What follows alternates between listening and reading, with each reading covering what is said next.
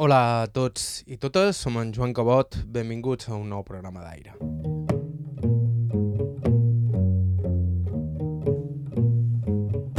Avui arribam al final d'una nova temporada, la sisena, si parlam de cursos escolars, d'aquest espai radiofònic i com no podia ser d'altra manera, aprofitant per fer un poc de balanç del que ha estat aquest sisè any en antena per un programa que va començar a les palpantes més per intuïció que per una idea certa i que ha acabat convertint-se en un cofre en què des de 2017 d'ençà hem anat recollint històries de vida d'allò més diverses. Enguany no ha estat diferent a altres anys i a més dins aquest 2023 hem estrenat Campeón, un segon podcast que, com s'aporta, és cosí germà d'aquest programa d'aire.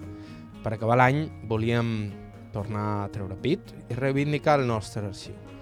Avui rescatant dos dels testimonis que primer cop d'ull més ganes ens han fet de tornar a escoltar el de l'Eivissanc Toni Turplanells, nascut a Santa Gertrudis al 1950 i testimoni excepcional de la Eivissa pagesa, i el de Mariano Segura Salvà, nascut a Palma el 1934 en una família xueta que encara conservava moltes de les seves costums. Tots dos són dues mostres del que trobareu al nostre arxiu, que ja sabeu que teniu sempre disponible a ib3.org barra carta o a qualsevol dels serveis de podcast disponibles. Una darrera vegada abans de les vacances. Estau escoltant Aire a IB3 Ràdio, us parla Joan Cabot, començam.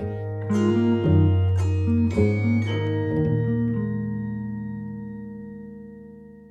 començam a Santa Gertrudis, a Can Llucià, que és la finca que dona mal nom al primer protagonista d'avui. Jo em dic Toni Turplanells i vaig néixer el 5 de setembre de 1950. Vaig néixer a, a, a casa, a, dalt la finca aquesta, l'única casa que hi havia llavors, que li dèiem Can Llucià de Cotella.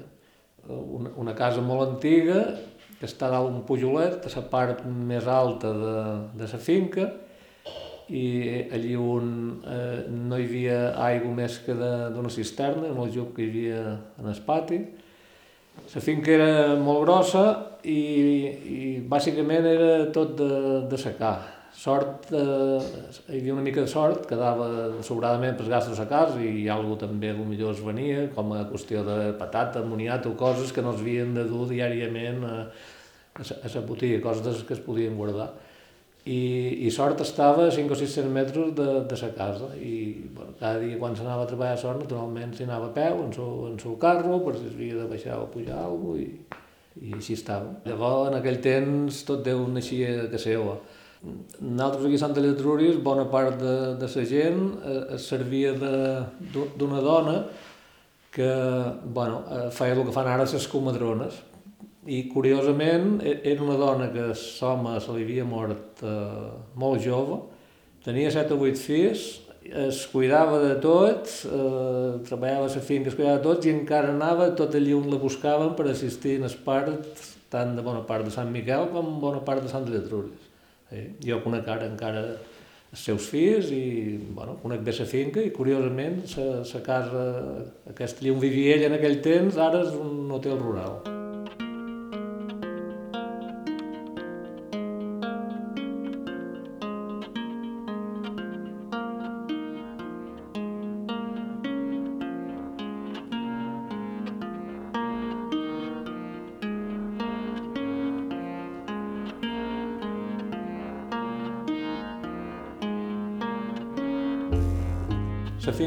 S'ha acabat néixer ha anat evolucionant però seguint en les mateixes tradicions, eh, diríem, posades al dia. En aquell temps, bàsicament, a veure, passava com moltes altres bandes. Eh, hi vivien els huelos, hi vivien els pares, eh, també hi vivia una germana del huelo que havia quedat soltera, vull dir que era una família grossa i, naturalment, els únics ingressos que hi havia allí era de, de l'agricultura eh, teníem, bueno, bàsicament eh, ovelles, eh, porcs, eh, gallines, o sigui, el habitual que, que, que es tenia aquell temps per totes les cases. Però els ingressos que, clar, jo moltes vegades he pensat a part de menjar, es necessitaven alguns sous per tirar endavant en moltes coses. Eh, si havia de comprar sucre o si havia de comprar roba o coses d'aquestes, naturalment no es produïa a la finca. Els sous en aquell temps d'aquesta finca, com moltes altres, bàsicament es feien de, de, de, bueno, dels fruits secs, de la malla i de la garrova. I de les figues, no sé si se'n venien, el que sé que, que, que formaven part de, de les reserves de menjar que quedaven a, a la casa per tot l'any. Inclús en aquell temps també s'acostumava, eh, finques així que tenien moltes figues, eh, es daven bueno, per la meitat o per la tercera part, el quin percentatge els daven els que les recollien no ho sé, però sé que venien, havien arribat a venir gent d'altres pobles que deien que venien a fer les figues, bueno, i estiraven per aquí una temporada, coint-les, secant-les, encaixonant-les i tal, i després se n'enduen una part i deixaven una part a, a casa. Nosaltres a casa, eh, a pesar de que moltes vegades he sentit eh, parlar de misèria i tal, a casa misèria ni, ni falta de menjar eh, no no n'hi va mai.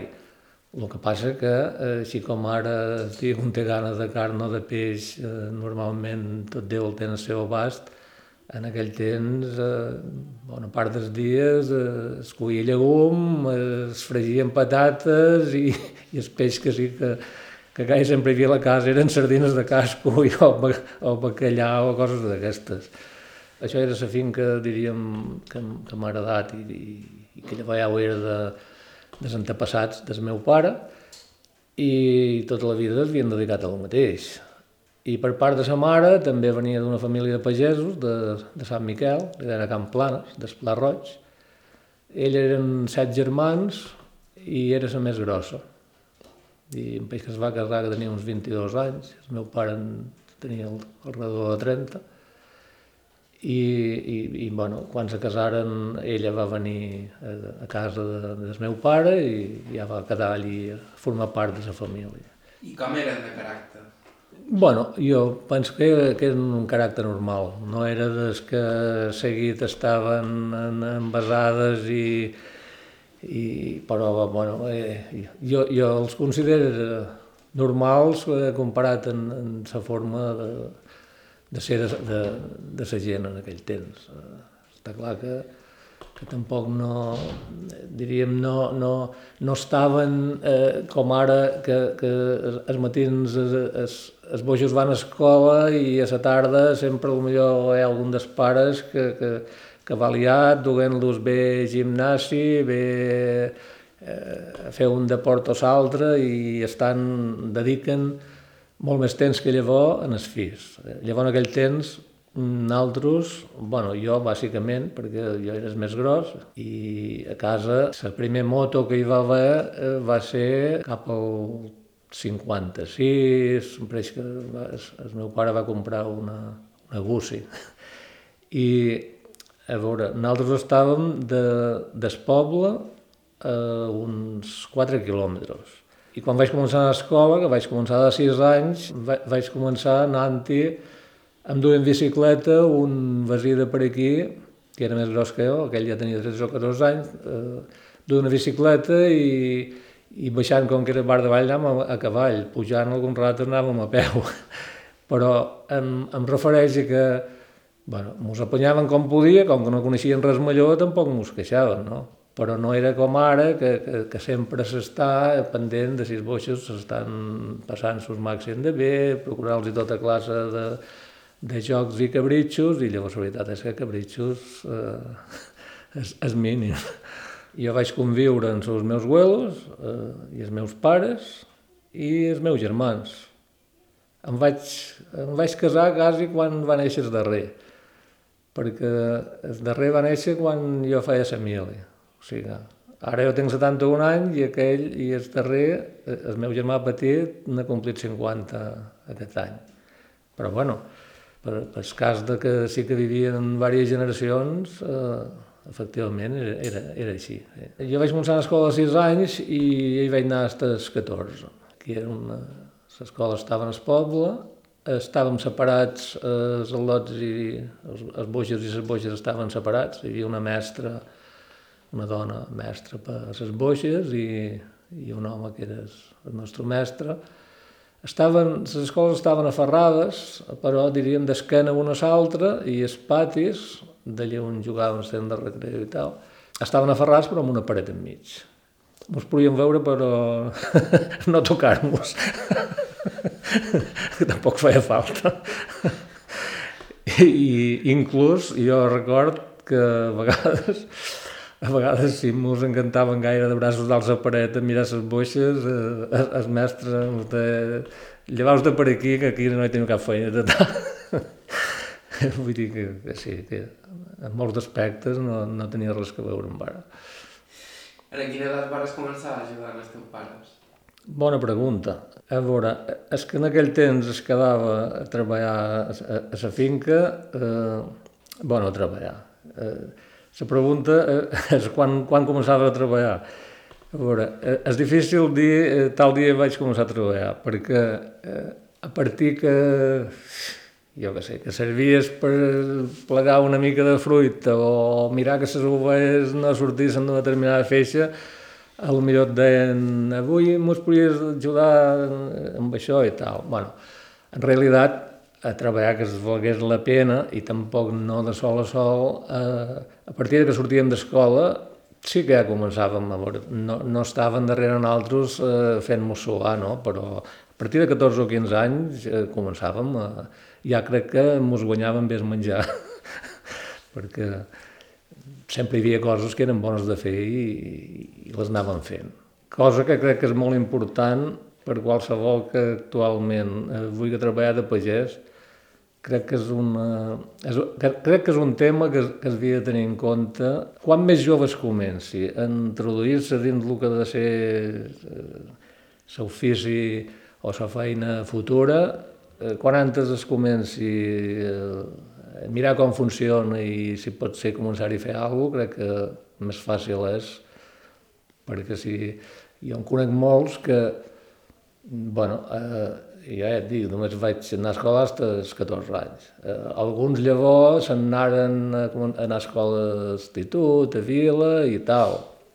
Era gent que potser tenia finques que si hagués pogut viure treballant de petxer i tal, però ja enfocaren la vida d'altra manera. Estan parlant d'una època que va ser quan el turisme també va començar. Cada, cada, cada família, cada finca té les seves particularitats. Jo, en el meu cas, bueno, a, a part que eres meu és gros, mai me'n vaig anar de casa a treballar en una altra cosa.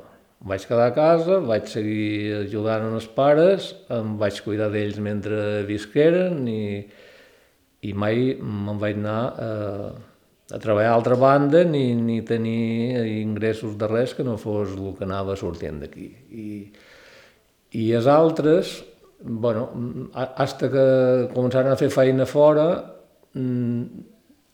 algo, algo, feien, algo varen fer a casa, però començaren, jo crec que al redor de, de 16 anys, tots ja començaren a treballar amb alguna altra cosa, bé, bé de camarer un bar, e, era l'època aquesta que començava a entrar al turisme i, i hi havia moltes classes d'oportunitats per fer qualsevol feina. Tu vas tenir la tentació o sempre te vas tirar escal? Jo m'agradava, agradava i va coincidir en que els anys, el 65, que, bueno, era l'any que amb el 65 jo complia els 15 anys, i, perquè els complia en setembre.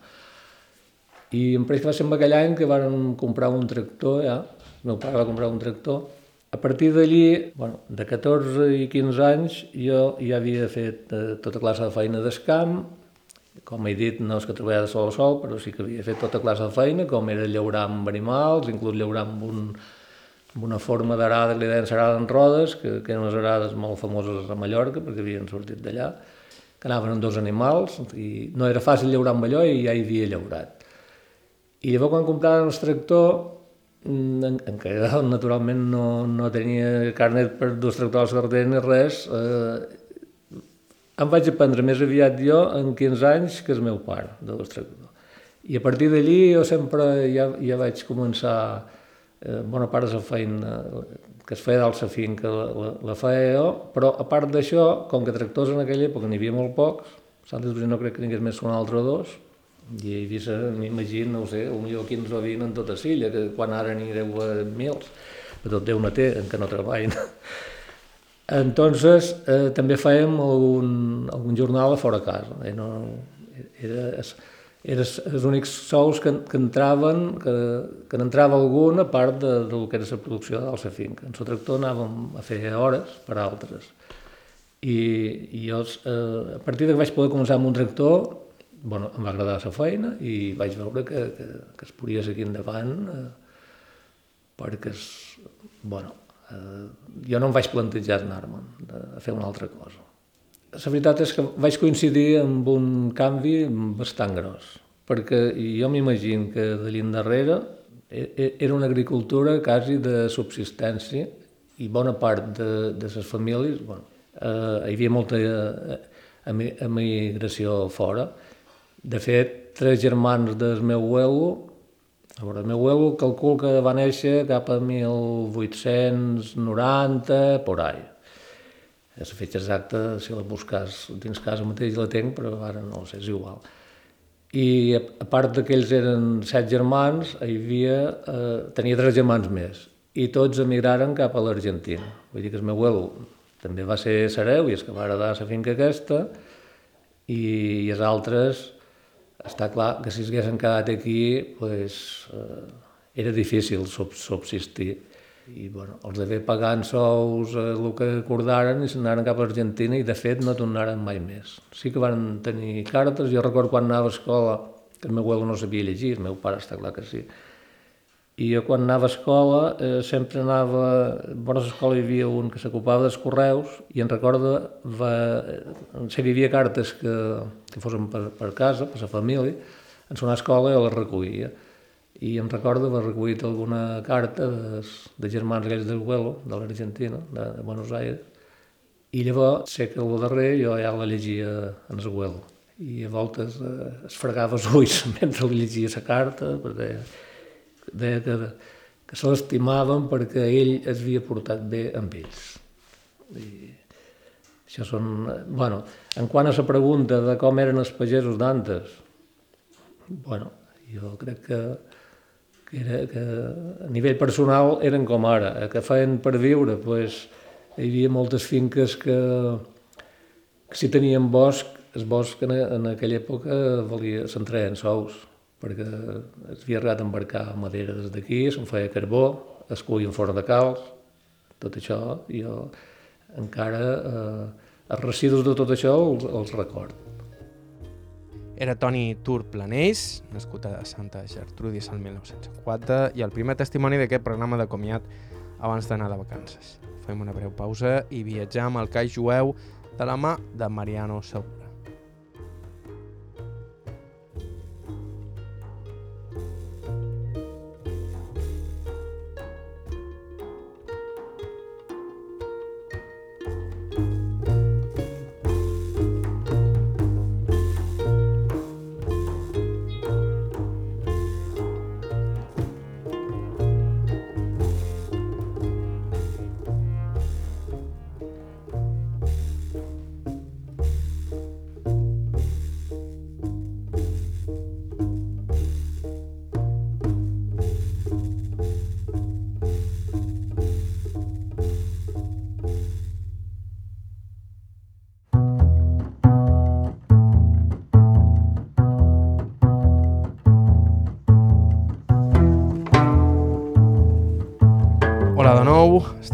Estau escoltant Aire i Vetre Ràdio, som Joan Cabot i aquest és el darrer programa de la nostra sisena temporada, moment, com sempre, per rescatar alguns dels testimonis més memorables d'aquest darrer curs.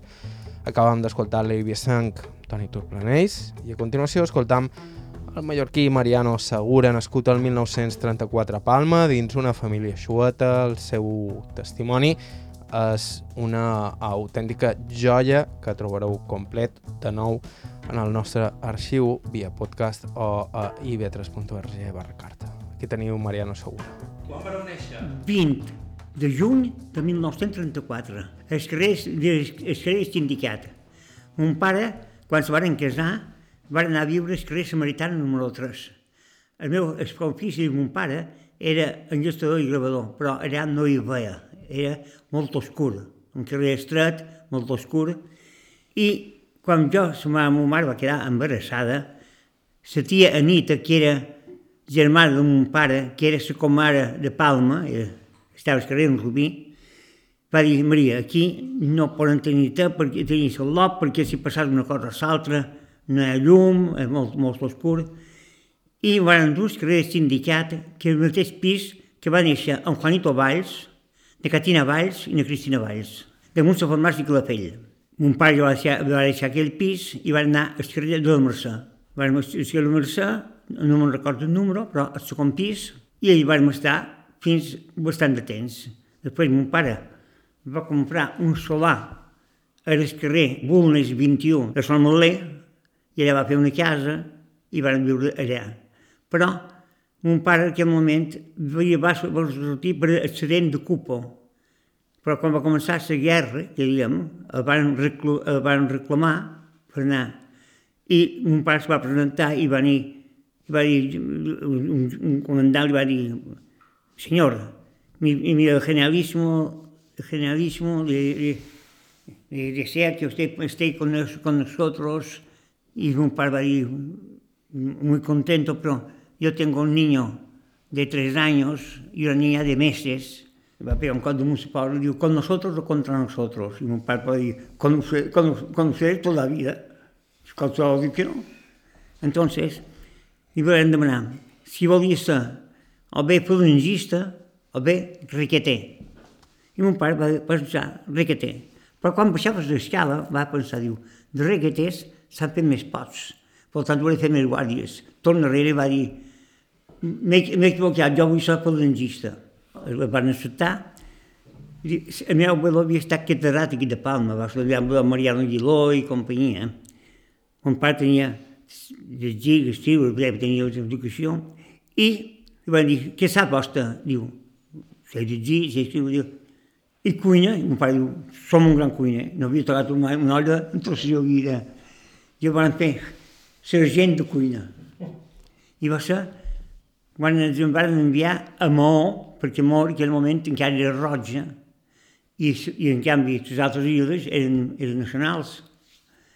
I el JJ Sister, que anava amb un pare, va veure el barco de rojos que se n'anaven i ells van passar per davant, donar una volta perquè el deixen bordejar, però se'n van anar cap a Marsella. Quan va arribar un pare allà, va trobar uns almacens grandiosos, que hi havia patates, hi havia oli, llet condensada, llet... i la gent passava fam. I allà mon pare va, va fer de, de la gent i va fer molt bo donar coses que, que, que podia donar a gent que podia menjar. Entonces, ja van viure, es carrer, va comprar, va comprar, no, va alquilar aquesta casa del carrer del Mercè. Poc després va comprar una casa al carrer Bellori, número 7. Va costar 21.000 pessetes. En la, en la reforma que havíem feta. Tres o quatre o cinc anys després va comprar el número 9, que era la mateixa finca, una vora l'altra, el que hi havia un estaló de diferència un de l'altre, un és més baix i l'altre. I allà mos van, mos, van, mos van criar tots. Jo vaig néixer, com dic, els carrers Tintiquà, però les meves germanes, la Pepa, que va, va néixer dins com una cova que hi havia que era Bellori davant, que li soliera, perquè si tiraven una bomba estaven protegits durant, durant el temps de la, de bomba. I les altres meves germanes van néixer al carrer ja, al carrer de Bellori, i la meva germana petita, la Joana Maria, jo va néixer el dia del meu cumpleaños, o sigui, va néixer quan jo tenia 14 anys. Jo som el major i tinc tres germanes, no tinc cap mascle. L'abuelo, l'abuelo Miquel, son pare de, de ma mare, quan va saber que jo havia nascut, va venir a veure-me i va dir a l'abuela, Maria, mira, Maria, Maria, nosaltres, de tant d'anys, només hem tingut sis nines. I na Maria, en el primer, ha tingut un lot. I jo vaig ser el favorito de la casa. Durant molts anys, l'abuelo m'estimava en deliri. Eh? Jo també l'estimava ell, francament. I després, ja, d'allà, ja, ja vivíem al carrer Millori i a davant, a la mateixa escala que hi a la Galita, el número 2, van posar l'acadèmia Mayol, don Joan Mayol. I posant don Joan Mayol, que diguem allà, jo me vaig escapar de les franciscanes per, i i, i no volia, no el volia desfranciscar, i doncs Manuel va dir, me va presentar el papà i me, i me va dir, comença avui de cap vespre. El cent demà già leggia e scrivia. Doncs vam posar, doncs mi, no era jo, no hi havia més, no hi havia més que jo era els únics que diguem. Tres o quatre o cinc després, després ja va, va entrar un, un tal Pec pins i va entrar un germà de don, de Joan, que era Llumet. I vaig, vaig estudiar allà. Va fer fins, a 14, fins als 14 anys, va fer d'estudiant. De, de a les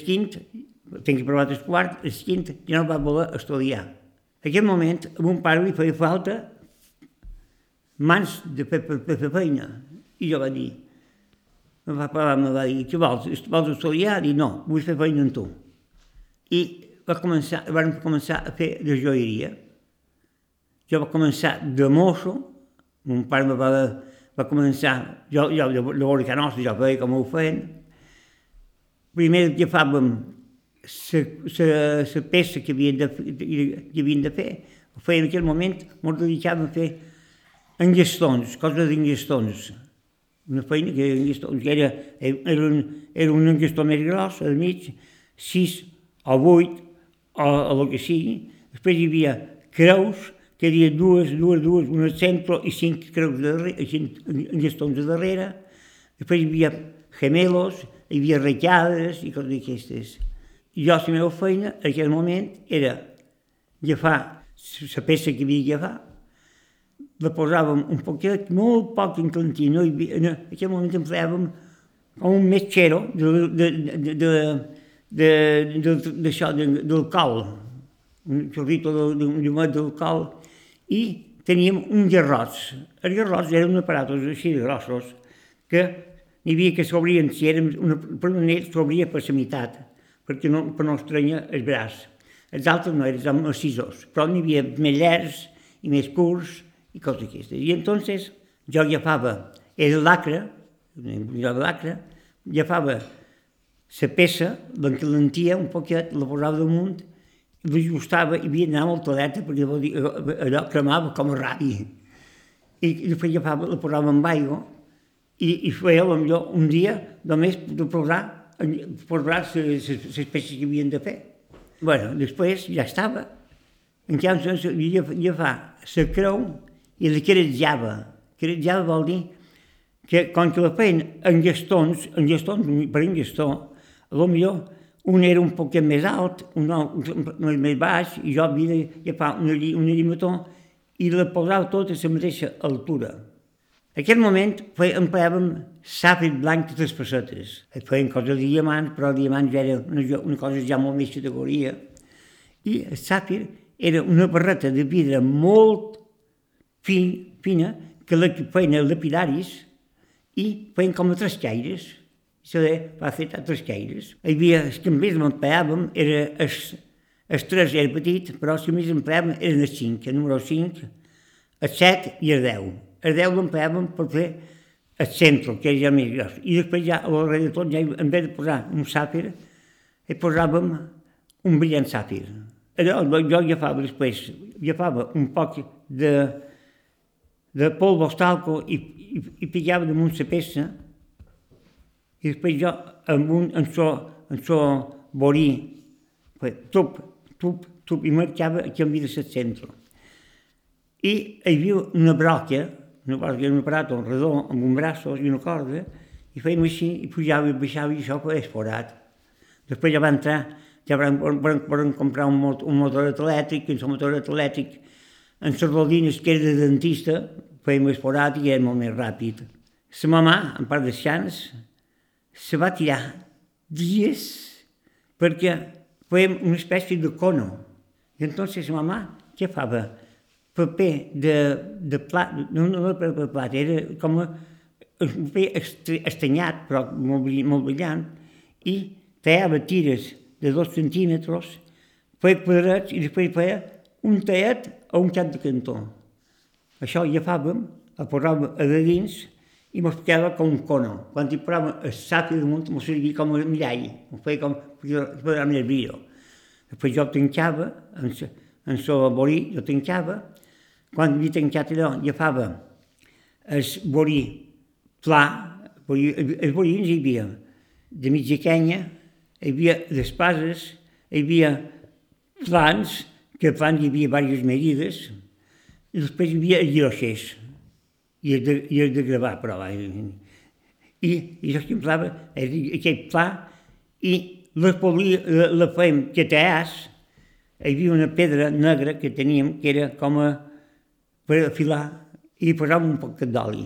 I fèiem, jo m'agafava primer el, el motor, el motor primer a mà després a la màquina, i, i, i, i feia l'esxura de, de, de, de lo que m'interessava del, del borí. Després pregava per allà damunt i en sungla, fèiem així, si no, no, si no enguinxava, no estava ben, no estava ben polit, que diguem, no estava a punt. Traava, s'arrabava de la plata i, i començava a mangestar. Abans us van clavar amb una creu, però he fet a centres de creus. A centres de creus. Quantes peces fèieu a la setmana? Dependeix. Si eren creus, menys, perquè les ratxades només fèiem la part de fora i després els de dins quedava, i entonces érem un ràpid, fer un anell, unes ratxades, un parell de, un par de gemelo, un par de... de en canvi, les creus eren, eren 11, 11 i els havia de fer per dos costats. Van fer, van fer molt. Mon pare va tenir la sort de que, quan feia servici, va conèixer un senyor que va, va venir a Palma i aquest senyor, mon pare el va trobar plorant i es, li va dir, què li passa? Què li...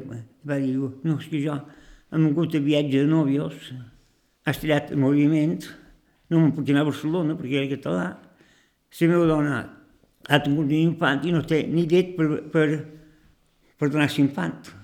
I mon pare se va competir d'ell i va dir, pues mira, jo la meva dona ha tingut, ha tingut una nina, si la meva germana segona, primera, si la meva Pepa, i diu, vine i veurem si la meva dona li, li pot donar pit, i van, li van donar pit. Eh, aquest senyor no havia borrell. Els carrers, els carrers de Jaume II hi havia una tenda de confecció que era a Macer Borrell, però aquest, ell se m'anava a viure a Barcelona. Se va, se, va casar, se casar i, no, i tenia una dona que la mia, Pepita Castellà. La tia Pepita tenia un germà que era viatjant, que anava per Espanya venent joies. I se van posar d'acord el tio Enrique, perquè no veiem el tio Enrique, i el, el Nyagapito Maldonado, i van fer com una espècie de societat tot tres nosaltres enviàvem feina feta de Palma, ells enviaven sàfirs, perquè era més, més fàcil comprar-los a Barcelona que comprar-los a la societat perquè era més cas.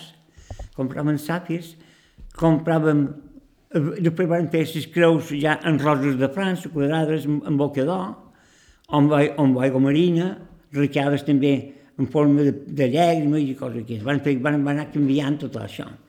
I aquests senyors se n'anava i venia per tot Espanya, o per Catalunya, i va haver un moment que veníem quantitats. No sé si quantitat, però quantitats. Dur, antes, els primers anys, ho duíem a correus. I a correus havien de sobrar i havien de posar paquet de certificat de mil pessetes. I era on hi havia, en aquell moment, 20 o 25 mil pessetes. Entonces, vam trobar un senyor que era mariner de la companyia, de la companyia Mediterrània, que era de molta confiança, i aquest senyor, jo anava els divendres, que acabàvem la feina, en bicicleta, a les 10 menys quart, a les 10, 9 i mitja, corrient, perquè va que a les 10, i m'enduia el paquet, l'entregava a en Joan, i en Joan l'entregava a domicili. I quan ell havia de enviar, també m'ho enviava a domicili. I cobrava un tant per cent, suposo. No m'ha mai el que cobrava. I així ho van fer durant molt de temps, bastant d'anys. Hi va haver un moment de que la feina d'en Gastons va quedar ja molt antiguada, molt, molt antiga. Va ser quan va... A Palma hi havia una joieria que se diu Joyeria Conrado, que, que aquest senyor se va casar, don Pedro Vizcarro Grau, se va casar amb una Pepita, que era la filla i ells van tenir ja una altra idea i van fer van fer brotxes. Brotxes, un brotxe, és, per exemple, venia, venia això, això, diguem aquí amb un rave, amb un, això, unes fulles, i la meva dona i el meu sogre eren, eren els millors, però amb molta diferència, argenters que hi havia a Palma. I, i posaven, i van posar, van fer, els dies que van fer, per exemple, vaig, vaig engastar un collar en Afarat Diva, la princesa de los tristes. Va fer un collar amb Juanita Reina. Va fer un cinturón en Lola Flores. Va fer diverses feines d'aquestes importants i feien feina per als carrers de plateria. Els carrers de plateria hi havia diverses joieries, una era, era rellotgeria americana, que era cosí de mon pare, al costat hi havia el tio Juanito, que era germà de la meva abuela, al costat hi havia sacres, més baix hi havia la mariposa, que era don Joaquín, don Joaquín, després hi havia l'Andreuet d'Escarreró, que era la dona, era cosina de germà de mon pare, hi havia els Luïssos, hi havia, el can, eh, hi havia, i al costat hi havia dona, una senyora viuda, el bon Jesús, i, i nosaltres fèiem aquesta, aquesta, aquesta feina. Un dia jo vaig acompanyar la meva dona a entregar una partida de brotxes que havíem fet.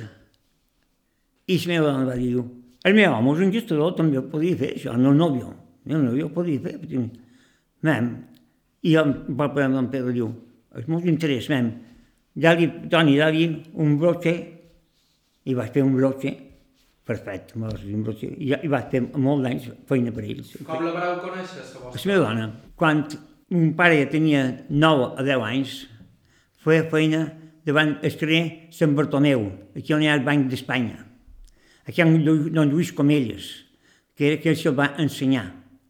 I el meu sogre va prendre de l'ofici d'argenter a Can Coda, i, i allà, a Can Coda, potser enviaven a Can, a Can, a Can Lluís Comelles per, per engestar, i l'altre, quan el tornaven, i s'ho van, van fer amics. La meva sogra, en part descans, tenia una tenda aquí on és a Celsior, ara se li Jaume II, una tenda que hi ha Miralls. Allò era dels abuelos. I era el abuelo, el abuelo Andreu, tenia i venia fent coses de llautó.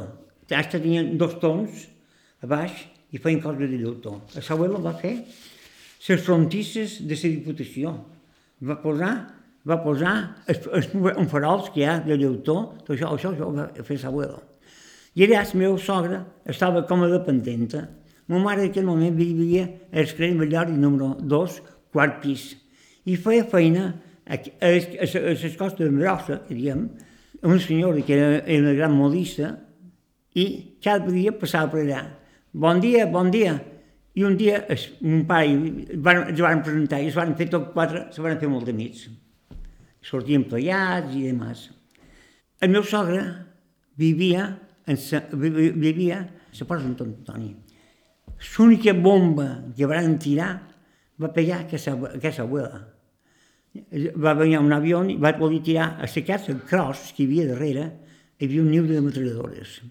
Però l'avió se va despistar i en vez de treure en aquell moment va tirar un pamer i va volar i va pegar a l'amunt i l'abuela va quedar rodeada de, vi, de vidres però no se va fer res. A mi sí, jo quan vaig dir alamma, alamma, van baixar i la porta de l'explosió, tinc una cicatriz per aquí, va ser la porta que em va pegar i va fer, quan mamà va borsar, ja, la mamà, que és guapo, res, vaig, no vas fer res.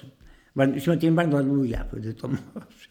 Entonces, el meu sogre vivia allà i com que havia estat criat, criat d'una dida de Porreres, va dir Joana, saps què podem fer? M'ho anem a Porreres i allà estarem tranquils. I van agafar els quatre trastos que tenien i se'n van anar a viure a Porreres. A Porreres, els tres anys, més o menys, va, va néixer la Carmen, se dia, la nina, el carrer Major, número 7, de, de Porreres. I el meu sogre se va posar d'argenter, si havien de soldar una cadeneta, se va posar a fer de rellotger i coses d'aquestes, arreglar un despertador i coses d'aquestes.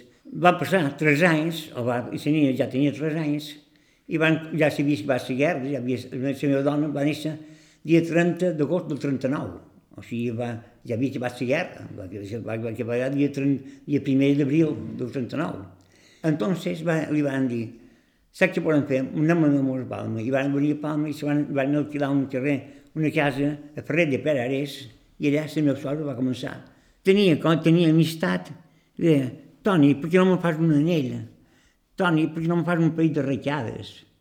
I, i el meu sogre feia un parell de ratllades, i això. Després el meu duia, a casa nostra, que nosaltres, i nosaltres on estàvem. La meva dona i jo, jo la conec que tenia tres anys, no em volia entregar.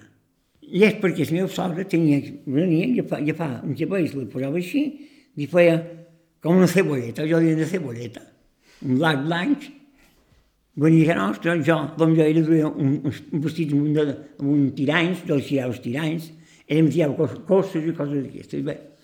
Un dia que tenia, ja tenia, ell ja tenia 3 anys, jo hi passava de 5 anys junts, més o menys. Ell va néixer, va néixer el mes d'agost i vaig néixer el mes de juny. Va venir a meva i va convidar les meves germanes per anar a un guateque que hi havia parlat a casa seva. I va dir, jo també vendré. I va dir, han dit que només volen dones, no volen homes. Bueno, en aquell moment, de més un tramvia que passava per la soledat i no hi havia ni autobús ni res. I jo, amb l'excusa de dur les meves germanes a la jo tenia una bicicleta, era molt deportista en aquell moment, i posar a la part darrere, i va posar un coixinet i duia una pepa, a les meves germanes, i, a, i, a, i, a, i amunt estuvo vull doncs, l'altra germana, i van arribar tots tres. Vaig, vaig aparcar la bicicleta, la va formar, a, aquell moment hi havia com unes plantes baixes que feia com, unes, com una, com una reja, que diguem un, un dibuix, i jo va formar una cadena, qualsevol manera, i va pujar. I era quan va me diu, què fas tu per aquí? Dic, pues mira, com que els meus germans volien venir i ells no sabien com volien venir, jo l'he acompanyada. Pues ja te'n pots anar. Dic, no, jo he d'esperar que acabi. Vol veure jo? No. I veurem amb altra gent. I en el moment que jo la va jo, jo fa la mà i dic, escolta, festeges? Diu, jo no, però tu sí. Dic, jo no, te diu, sí, tu festeges una catalana, era, era, era una catalana, però m'empenyava molt escriure cartes. Això d'escriure cartes, cada dos per tres, no hi havia telèfon com ara, i coses d'aquestes. Dic, pues, pues dic, mira, mira, a partir de demà t'hem de dedicar per companyeta. No ho provis. Vam baixar baix, que hi havia meus sogres. Va tocar i va sortir el meu sogre i dic, tio, tio Toni, li sap greu que jo com a vols festejar a Carmen. I què diu? A mi? Demanaria a ella, perquè a mi jo no tinc res que veure amb ella. Carmen vol baixar? La Carmen va baixar i diu, que me diu en, en Mariano, en Nano, perquè me diu Nano, en Nano que vol festejar amb tu. Diu, papà, deixa'l perquè està loco. Vam pujar de dalt, una altra vegada, i van tocar Perfidia, que és la nostra cançó. Jo la vaig agafar, ells, i, i va començar, jo tenia bastanta veu, tenia una veu bastant agradable, i va començar per filia a cantar-li, i ella va començar ja amb això, ja, vaig, li va dir, demà te vendré a cercar, no ho provis, però el cinema vaig anar a cercar, i així va començar a vam començar ja a no enamorar-nos. Ella tenia 13 anys, jo tenia de 8.